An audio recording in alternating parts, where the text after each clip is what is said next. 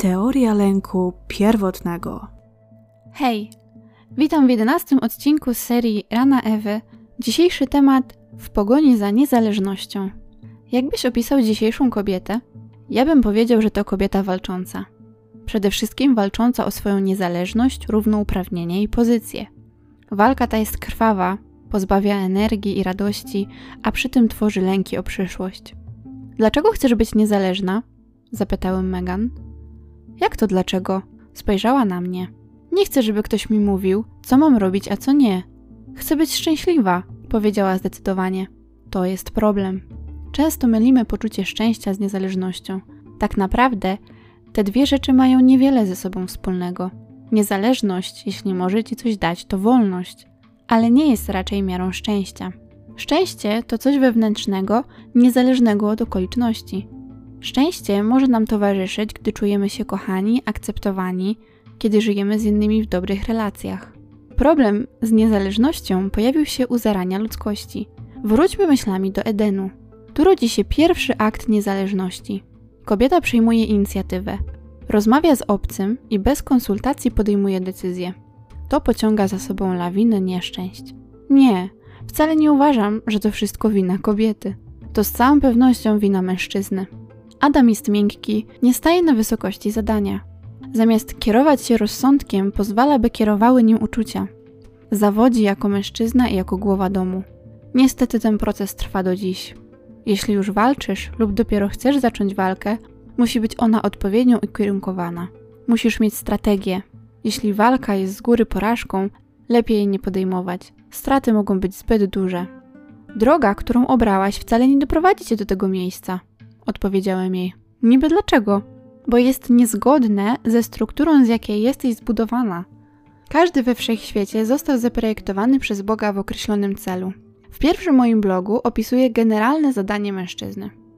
Miał poszerzać granice raju, miał stać na czele, miał przewodzić. Rola Ewy była zupełnie inna. Rola Ewy była inna. Bóg stworzył ją jako uzupełnienie mężczyzny. Co ciekawe, słowu uzupełnienie przypisuje się negatywny wydźwięk, lecz jest to zupełnie nietrafne. Uzupełnia się coś, co jest niekompletne. W pewnym sensie taki był mężczyzna bez kobiety. Ewa uzupełnia mężczyznę, gdyż tak jak Adam jest stworzona na obraz Boży, ale posiada inne boskie cechy. Adam jest wojownikiem, obrazem stabilności i decyzyjności. Ewa natomiast odbija Bożą łagodność i wrażliwość. Kobieta pobudza więc mężczyznę intelektualnie. Razem, gdy ze sobą ściśle współpracują, stanowią odbicie cech Boga. Następuje harmonia. On podejmuje decyzje, czasem staje się gwałtowny, ale dlatego ma ją. Ona równoważy jego dzikość. Mam nadzieję, że dostrzegacie rolę każdego z nich.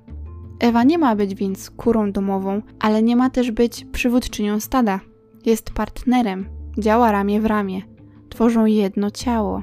Jeśli to dobrze rozumiesz, to zauważysz też, co się zaczęło wyprawiać na tym świecie. Kobieta, przyjmując rolę mężczyzny, uczyniła siebie nieszczęśliwą i uczyniła mężczyznę nieszczęśliwym. Dzisiejszy mężczyzna, szczególnie w krajach rozwiniętych, ma niewiele wspólnego z tym, co zamierzył Bóg. Przestał być odkrywcą, przestał prowadzić swoją rodzinę, stał się miękki i wycofany.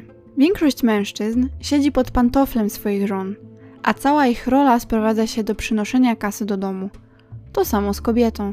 Do czego doprowadziła ją walka o niezależność? Czy stała się rzeczywiście wolna, czy bardziej szczęśliwa? To prawda, że kobieta może dziś więcej niż w przeszłości, ale co z tego? W efekcie tego, zamiast wspierać męża, musi podejmować decyzje za niego, co wiąże się z odpowiedzialnością i konsekwencjami. Pracuje w korporacji, a po powrocie do domu czekają na nią gary, sprzątanie i dzieciaki. Nie wiem, czy można nazwać to pełnią szczęścia. Czy zamiast walczyć, nie lepiej jest współpracować? Tym bardziej, gdy ta walka z góry jest przegrana, bo jest przeciwna założeniom konstruktora naszych osobowości. To prawda, że nie możemy zmienić systemu, ale możemy zmienić naszą pojedynczą komórkę rodzinną. Nie musimy wtłaczać się w system. Czasem kobiety mówią: Mój stary to już nie ten sam mężczyzna co kiedyś. Inna mówi: Mój to długo siedzi przed telewizorem i się lampi w niego cały dzień. Jeśli ty też tak myślisz, albo to zauważasz, pomyśl, jaki miałaś na to wpływ, że twój stary postanowił się wycofać z waszego życia. Może chciałaś być niezależna, czy jednak jesteś szczęśliwa? Czy nie lepiej byś się czuła, gdybyś to ty była zdobywana, gdyby to on ciebie inspirował, a ty u jego boku odkrywałabyś to, co niezbadane?